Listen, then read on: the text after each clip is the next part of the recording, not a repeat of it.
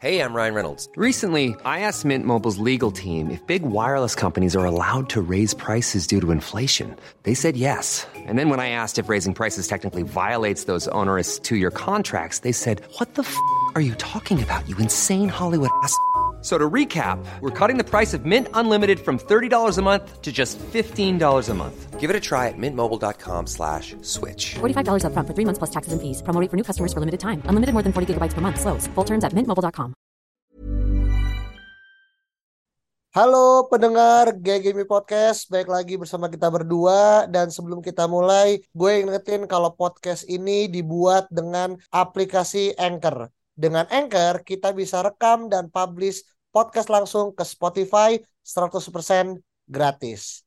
Nah, ngomongin masalah gratis, tidak ada pemain yang gratis untuk bisa didatangkan sama Manchester United. Dan itu adalah kebiasaan oleh MU ya sebagai tim yang akhirnya suka banget menebus pemain dengan harga yang sangat fantastis dari mulai Fred, terus juga mungkin lanjut ke Harry Maguire sampai akhirnya mungkin yang musim panas ini adalah eh, Anthony gitu kan.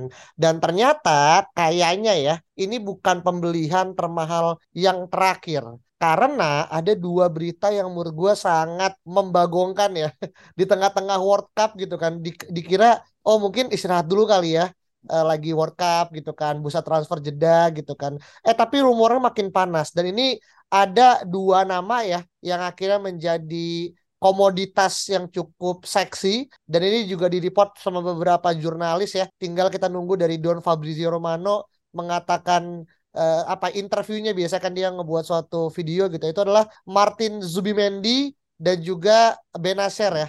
Yang mana Zubimendi hmm, yeah. datang dari Atletico Bilbao ya. Real Sociedad. Oh sorry, Real Sociedad gitu kan. Dan uh, Benaker dari AC Milan gitu. Nah kita mulai dari yang uh, Zubimendi nih. Ini nama yang sebenarnya asing nggak asing. Kenapa asing? Karena belum pernah kita ngebahas ya dari dari hmm, dari iya, iya. dulu iya. bahkan sampai sekarang karena ini nama baru gitu kan. Tapi nggak asing karena kita juga sebenarnya udah pernah ngelawan dia di mana di Benar. uh, apa namanya uh, UEFA gitu kan uh, Champions League ketika kemarin hmm. gitu kan. Nah, lu ketika mendengar kata Zubimendi dan kalau kita lihat posisinya kan dia sebagai defensive midfielder ya uh, yeah, dengan yeah, umur yeah. yang masih cukup pemain muda lah 23 tahun. Apa yang lu lihat ketika impresi mendengar MU dikaitkan dengan Zubimendi?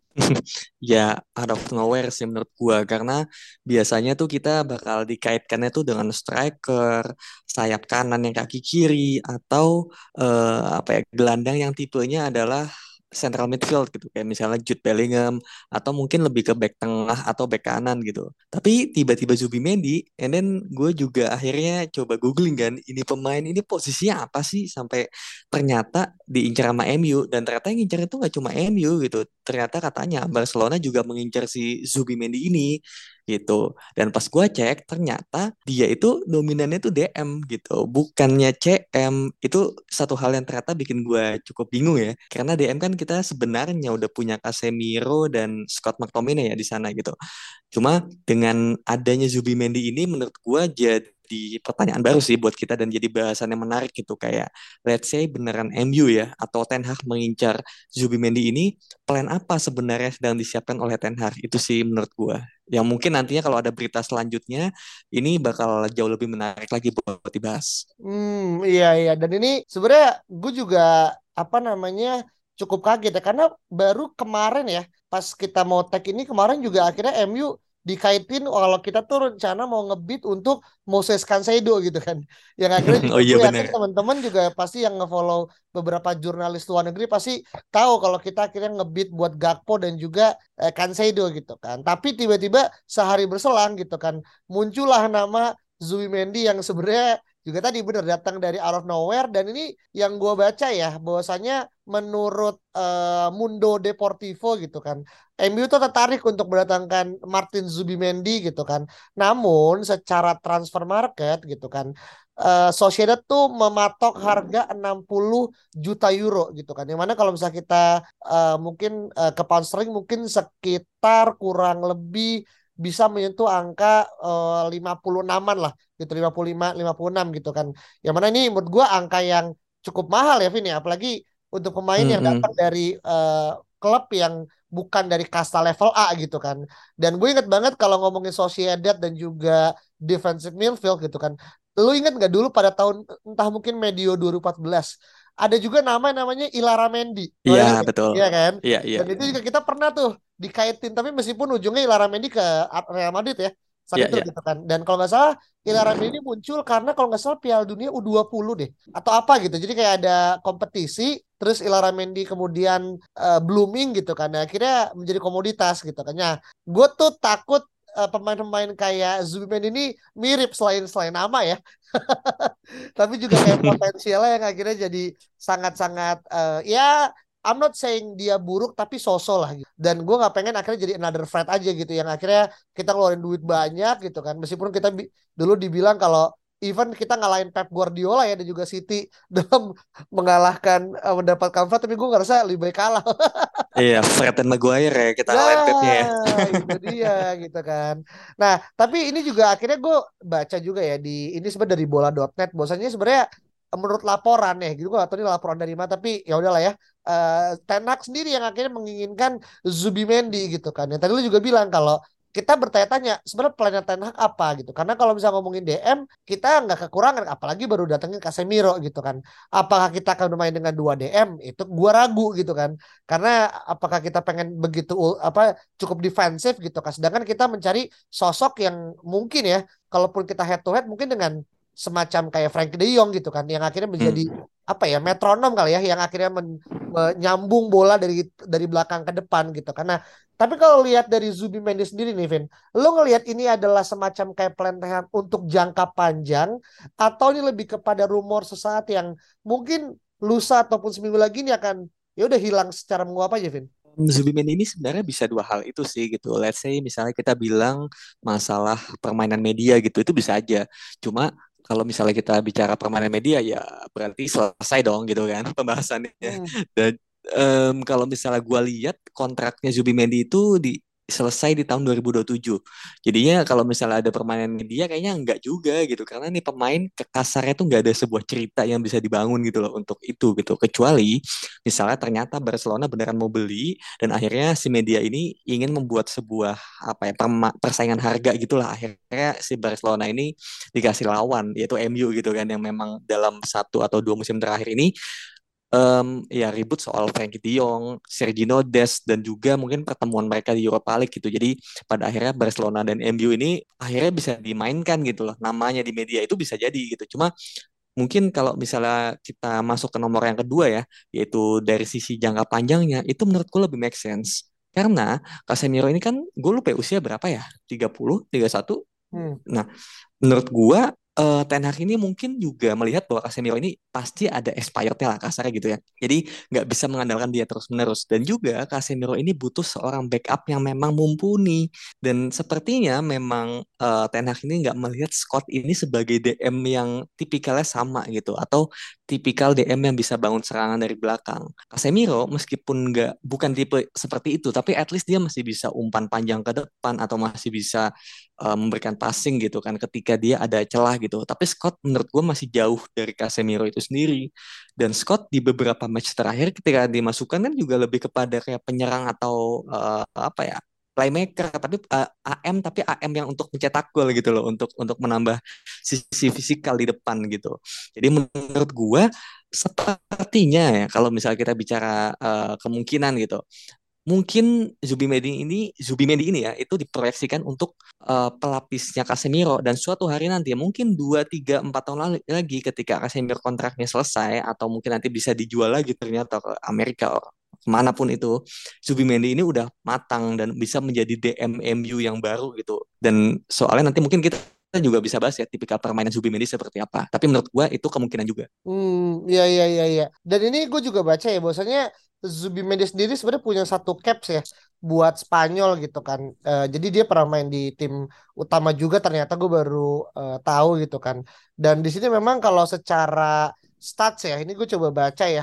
Bahwasanya dia itu kalau secara eh, permainan gitu kan dan juga tipikal pemain dia itu memiliki combine shot and pass blocks komplit itu jauh lebih banyak dibandingkan seluruh pemain yang ada di Sociedad musim ini gitu kan. Yang akhirnya tuh leading pada interception, aerial duel dan juga ball recoveries dan juga uh, overall touches gitu. Yang menurut gue untuk pemain yang mungkin datang dari uh, Liga Spanyol gitu kan yang memang mungkin terlihat uh, kita menganggap kayak kecuali datang dari Barca dan Madrid menurut gue dia punya spot yang cukup bisa membuat suatu hasil gitu kan. Dan kalau tadi lu bilang adalah ini pemainan media ya ya another games lagi gitu kan yang kita jadikan umpan baik gitu untuk tim lain supaya bisa mendapatkan harga yang mungkin jauh lebih murah gitu kan dibandingkan MU segala macam gitu. Tapi kalaupun dia jangka panjang eh, apakah lu ngerasa ketika akhirnya Zubimendi misalkan ya dia akan hadir dia akan menjadi semacam kayak rotational player atau justru MU akan mungkin meminjamkan dia ke mungkin balik ke Sociedad dulu mungkin satu musim sembari melihat bagaimana Casemiro akhirnya berkembang dan juga melihat perkembang uh, melihat gimana dia bisa uh, mencapai peak levelnya seperti mungkin dulu di Madrid atau lu akan ngerasa dia akan main dengan game-game tertentu Vin? Um, kalau misalnya dipinjamkan kayaknya agak apa ya agak mustahil ya. Meskipun itu juga sebetulnya opsi yang cukup fair gitu untuk dia dan juga juga Sociedad gitu. Karena kalau yang kita tahu dia itu usianya 23 dan katanya release clause-nya itu 60 juta. Dan ya menurut gua lu beli 60 juta untuk dipinjamkan itu agak wasteful ya gitu. lu lu beli 60 juta kan ya lu expect pasti menjadi starting gitu. Tapi and then lu pinjamkan Amin, apakah iya dia sebagus itu sampai lu harus beli sekarang? Yang mana melihat budget gitu. Kayak mending lu beli yang butuh sekarang banget aja kayak kiper atau bek kanan gitu atau striker itu aja dulu gitu. Kenapa harus beli sekarang? Kecuali memang ternyata Ten Hag melihat si Zubimendi ini sebagus itu itu yang bikin lu beli sekarang and then gimana dia mainnya ya ntar aja mikir ya gitu. Yang penting beli dulu aja gitu. Itu itu berarti kayak udah jatuh cinta banget lah menurut gue gitu. Jadi gue ragu sih kalau memang itu yang terjadi gitu. Jadi menurut gue lebih kepada ya MU emang cuma pengen tapi nggak sekarang gitu. Bukan main priority dan menurut gue nggak nggak nggak sekarang sih. Kalaupun dia emang bakal dibeli ya atau menjadi suksesornya si Casemiro itu nggak sekarang untuk dibeli. Iya iya iya iya iya. Ya ini baik lagi ya. Kita masih menunggu ya kabar uh, anget-anget ini nih apakah terus berlanjut menjadi suatu rumor? Karena kan sekarang juga sudah masuk bulan Desember ya Vin ya? Yang mana sejeda kurang lebih less than four weeks kita akan ngebuka jendela musim dingin ya uh, tahun 2023 Januari yang bisa aja gitu kan MU akan ngebangun membuat suatu gerakan gebrakan gitu kan. Tapi sih gue yakin pasti yang pertama adalah striker ya. Karena kan pasti kita kehilangan Ronaldo nggak mungkin kita meninggalkan lubang sebegitu besar di lini depan gitu. Tapi apakah ada tambahan dari lini tengah? Nah ini akhirnya masih menjadi tanda tanya gitu kan. Nah sebenarnya gitu kan Zubimendi bukan pemain tengah satu-satunya gitu. Kenapa? Karena ternyata ada nama yang mungkin jauh lebih kita at least lebih dengar lah ya.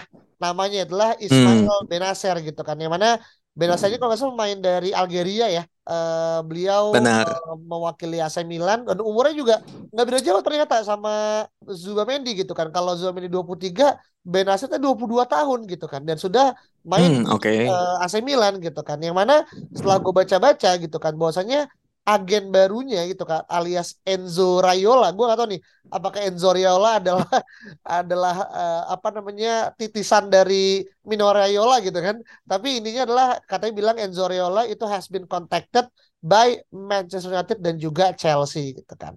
Ini datang dari at cm.com gue gak tahu nanti bisa kita perdebatkan. Tapi lo ngelihat akhirnya Ismail Benacer ya yang mungkin secara player star rating jauh lebih menjual karena udah pernah main di klub papan atas Liga Italia dan punya nama gitu. Lo ngelihatnya gimana untuk sekarang terkait dengan Benacer sendiri Vin? Nah kalau Benacer ini menurut gue menarik gitu karena faktor-faktor pendukungnya jauh lebih banyak gitu. Yang pertama masalah usia ya tadi ya 22 tahun lebih muda kedua juga dia udah pernah dia dia sekarang main di AC Milan yang mana um, ya sebenarnya sama aja sih main reguler kemudian juga uh, main di Eropa juga gitu. Cuma satu hal lagi yang bikin menarik adalah kontraknya.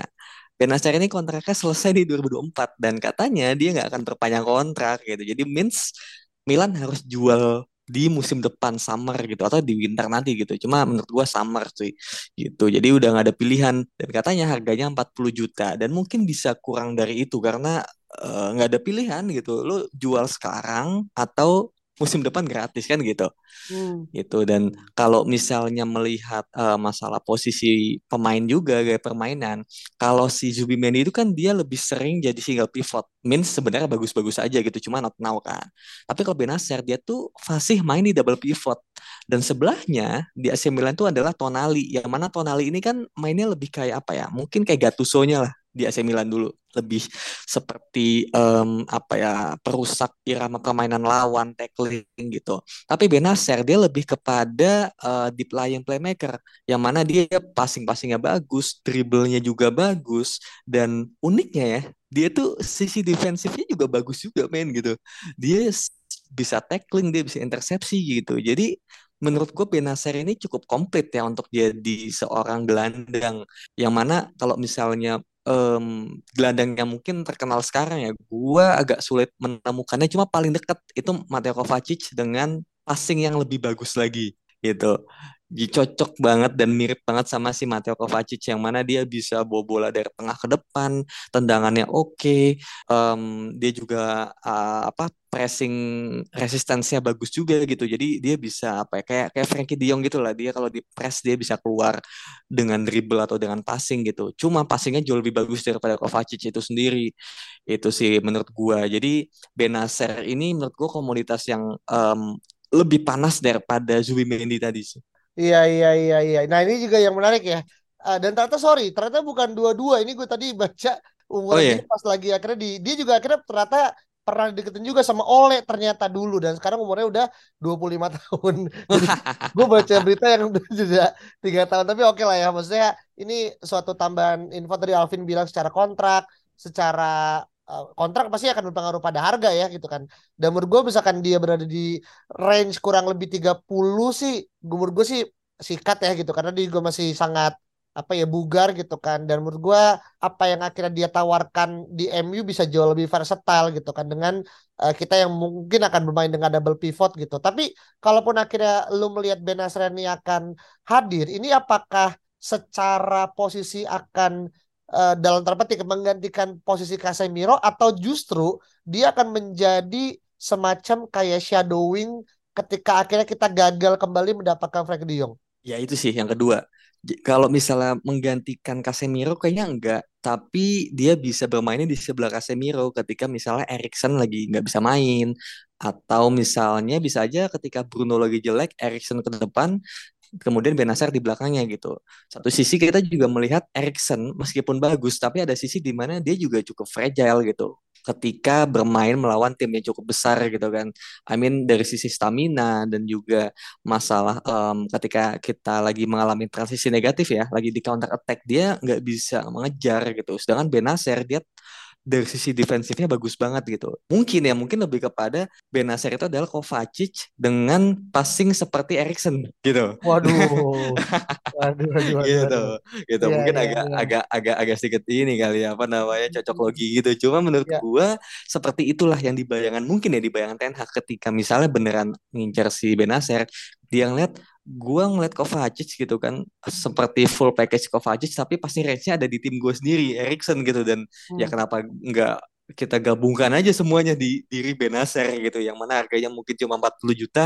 Menurut gue itu udah nggak um, usah mikir lah gitu. Karena pesaingnya tuh cukup banyak. Ada Liverpool, ada Arsenal, ada Chelsea gitu. Yang mana Chelsea menurut gue mereka sangat butuh sosok gelandang gelandang baru mereka pasti butuh mereka beli siapa kita nggak tahu gitu. Kemudian Arsenal Arsenal juga menurut gua sangat ketergantungan ya sama si Partey dan juga uh, Shaka juga udah mulai tua kan. Jadi butuhlah satu gelandang yang bisa progresi bola dari belakang. Jadi butuh juga untuk Benacer Liverpool ya kita tahu sendiri Fabio udah menua, Henderson menua, Thiago Alcantara sering cedera, jadi sangat butuh gelandang juga. Dan Jude kan juga mahal banget 100 juta gitu. Gua nggak tahu apakah Liverpool bisa beli apa enggak gitu. Jadi jadi kalau Liverpool nggak bisa beli Jude itu sangat mungkin juga dia bakal beralih ke Benacer gitu. Jadi menurut gua kalau misalnya meskipun ya gue yakin Ten Hag juga masih cinta mati sama Frankie tapi kalau emang pemainnya nggak mau dan ada Benacer ya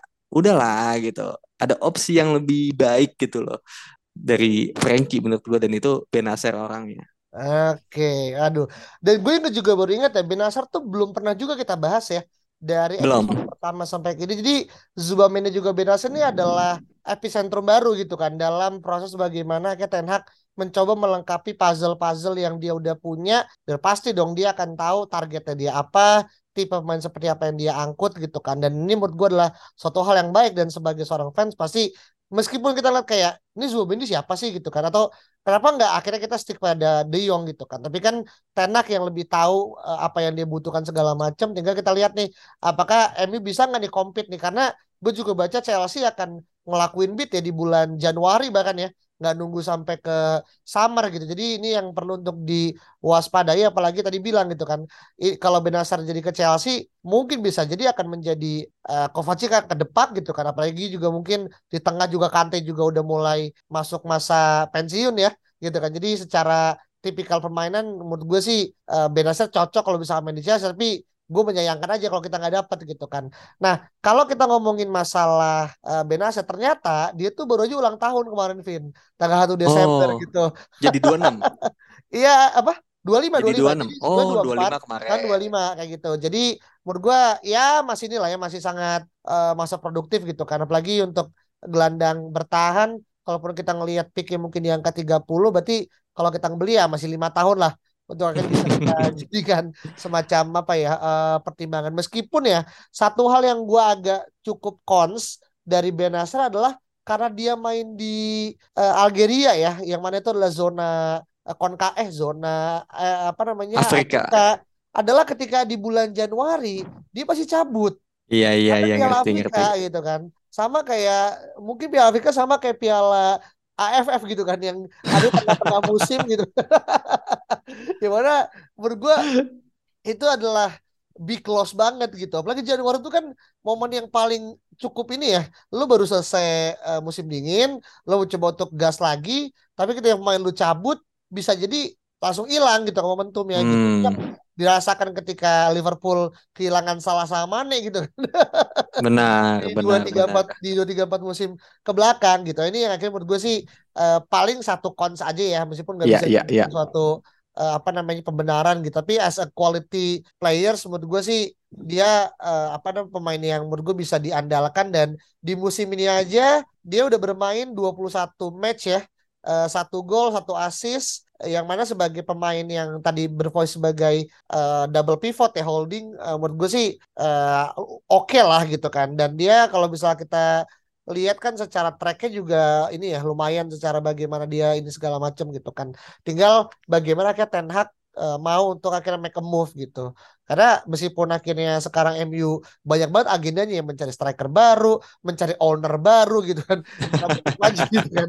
Kayak apakah kita masih punya budget yang bisa kita spend dari sisa uang Glazer? Nah itu kan perlu kita diskusikan gitu. Nah mungkin terakhir kali ya Uh, kalau secara Benasa dan juga Zuamendi kan teman-teman juga bisa nih memberikan perspektif kira-kira apakah tipe kayak Benacer, apakah tipe kayak Zubamendi yang cocok dan ketika cocok akan bermain sebagai first team player atau justru sebagai rotation player nanti mungkin teman-teman bisa uh, kasih juga nih komentar di uh, Twitter kita dan juga apa namanya di kita biasa kan ngebuat uh, postingan ya dan teman-teman bisa coba langsung komen aja. Nah mungkin terakhir nih kalau secara like likability pemain ini untuk bisa bergabung ke MU begitu di musim dingin Januari atau musim panas untuk uh, Zubamendi berapa untuk Benasa berapa Vin? Um, kalau Zubimendi menurut gua satu dari sepuluh sih itu agak nggak mungkin ya kalau menurut gue karena yang pertama juga tadi ya rilis clause mahal kemudian kontraknya juga masih panjang dan kayaknya nggak butuh untuk replacement atau uh, apa ya kayak mungkin pengganti Casemiro untuk sekarang banget gitu. Jadi satu dari sepuluh. Tapi kalau misalnya Benacer, menurut gue gini, kalau misalnya pinginnya gue doang sih ya gue sangat pengen gitu. Tapi kalau misalnya kemungkinan ini tergantung sama ya pergerakan MU yang mana beritanya masih baru banget untuk MU. Jadinya gue berharap nantinya bakal ada berita lainnya. Dan kalau ada berita lainnya, gue bisa bilang kalau misalnya MU maju, ya bisa 7 dari 10 sih atau 8 dari 10 gitu. Karena lu mau ngincer Jude Bellingham harganya 150 lu mau Enzo Enzo baru aja dibeli 120 juga gitu. Jadi agak nggak mungkin menurut gua ngeluarin budget segitu lagi sih gitu. Yang mana kita juga banyak banget posisi yang bakal ditambal. Jadi menurut gua kalau ada yang murah ya udahlah Benacer gitu. Dan menurut gua 8 dari 10 sih Oke, berarti yang satu sangat tidak mungkin atau less likely, yang satu sangat mungkin uh, dan meskipun gue yakin ya uh, kalau kalaupun akhirnya tadi Afif bilang satu sama delapan, kalaupun akhirnya gue bisa memberikan penilaian pribadi, mungkin untuk Zubamina di angka tiga, bedanya di angka tujuh. Karena menurut gue Ten Hag sendiri kan tipe orang yang memang uh, cukup apa ya, uh, cukup kekeh ya menurut gue ya pribadi. Karena uh, dengan dan apalagi dengan transfer saganya uh, De Jong yang dia pun sendiri belum stating kalau oke okay, gue berhenti atau gue nyerah gitu kan. Berarti gue masih ngerasa ada uh, still dia masih punya aspirasi dan juga finish bisnis uh, dengan De Jong itu sendiri. Jadi gue benar juga sih. Uh, iya kan uh, itu gue yeah, yeah, yeah. uh, tujuh karena itu tiganya masih tetap di di Frankie. Uh, di Frankie itu sih sebagai iya Tapi, sih hmm. eh sorry sorry berarti iya gue mau nambahin jangan-jangan ya ini feeling gue aja ya hmm. kalau misalnya ternyata Zubi Mendy mau dibeli sama Barcelona ya jangan-jangan karena Frankie juga masih 50-50 kan eh, gitu bener kan ini juga kan akhirnya semua menimbulkan snowball effect ya atau jangan-jangan kalau akhirnya misalkan ya Benacer datang ke Chelsea, kita akhirnya nge-beat buat Kovacic gitu. oh enggak, kalau misalnya misalnya Benacer ke Chelsea atau ke Liverpool, berarti kita mengurangi saingan untuk Frankie De Jong dong, kan gitu aja gitu. iya, iya itu ya. ya kan? juga mungkin Jude Bellingham ya gitu kan. Mungkin Benar. gitu kan. Uh, iya memang karena karena gini ya kayak kita pengen banyak dan gue nggak gue nggak yakin kayak kita bakal dapat Zuamendi, Benacer, dapat Frankie De Jong menurut gue tuh Jude Bellingham menurut gue kayak kita mau numpuk berapa gelandang kan kita enggak gitu. Iya iya. Tentu akan ada prioritas gitu kan dan benar-benar. Iya kadang-kadang kayak lu bisa aja suka banget satu pemain tapi once dia udah pindah sebenarnya lu ngebuka jalan untuk pemain lainnya untuk bisa pindah ke klub lu yang justru mungkin secara value lebih tinggi gitu kan. Dan ini yang menurut gue sangat menjadi uh, perhatian gitu kan tentang bagaimana akhirnya kadang menentukan kayak gue mau ini gitu. Tapi lu tahu juga kalau ini jadi berarti lu menutup chance buat yang si B untuk bisa ke kita juga gitu kan? Iya iya iya kan? iya. Lu iya. kan main FIFA gitu yang lu punya budget yang unlimited segala macam gitu kan. Ini real case gitu kan. Even kalau misalkan jadi apakah lu berani nggak untuk akhirnya mengatakan uh, Zua Mendy dan juga Benacer nggak jadi tapi demi Frankie, gue akan milih opsi itu gitu. dengan, dengan kondisi ya, ya, ya. gitu kan. Ya benar benar benar. Ya, kan? Karena karena memang memang apa ya? Uh, kayak puzzle kepingan salah satu yang paling penting ya senternya itu kan ada di Frankie sebenarnya dari si uh, Erik Ten Hag ini kan. Ya. Kalau penyerang penyerang mungkin banyak lah profilnya gitu kan siapa pun itu sayap kanan kemudian uh, back gitu udah pada dapat semua gitu. Tapi kalau yang tipenya kayak Frankie itu kan unik banget gitu hampir nggak ada pemain seperti dia gitu. Kalaupun ada yang masih raw banget lah kayak misalnya Zidane Iqbal gitu kayak masih jauh banget lah gitu ya kan. Jadi menurut ya, gue ya. ketika kita bisa still Frankie De Jong ini itu kayak ya mungkin 50% nyawanya senjatanya Ten Hag ini udah terisi gitu lah amunisinya. Iya iya iya iya. gitu. Kayak see, kayak kayak lu apa namanya? Uh, ya itu tadi Frankie De Jong gitu. Gua gua berharap kan gini, Frankie De Jong ini kan sebenarnya uh, di Barcelona. Barcelona itu bilang kemarin si Xavi bahwa Sergio Busquets ini musim depan udah hampir pasti nggak ada gitu atau mungkin role di drop lah gitu. Dan katanya Frankie De Jong itu akan dijadikan uh, suksesornya. Nah ini kan masih belum tahu juga nih, apakah Frankie De Jong ini benar-benar turn down MU karena emang nggak nggak suka sama MU atau memang hanya karena Liga Championsnya aja. Nah kalau misalnya MU dapat yang baru gitu. Ini dia makanya menurut gua Liga Champions ini juga sangat penting untuk meyakinkan si Frankie gitu. Iya iya iya iya iya iya karena baik lagi ya kayak memang kalau misalkan benar apa yang Xavi bilang kalau Busquets akan mungkin uh, bukan pensiun tapi lebih kepada disirahatkan dan lebih kepada lebih kepada rotational player gitu kan. Ya maka chance kita untuk mendapatkan De Jong plus kalau kita nggak main Liga Champions maka semakin tertutup gitu kan. Apalagi gue yakin gitu kan secara momentum uh, bursa transfer tuh ada momentumnya lah gitu kan. Mungkin terus terus dikait-kaitin gitu kan. Ada momen di mana kita ya stop gitu kan. Entah karena pemainnya udah tekan kontrak baru atau mungkin kita menemukan tipe player yang mungkin lebih mirip dan juga mungkin lebih mudah segala macam gitu. Masalahnya kan seperti yang lu bilang gitu kan, bahwasanya pemain seperti Frank ini belum ada atau bahkan sangat jarang gitu kan.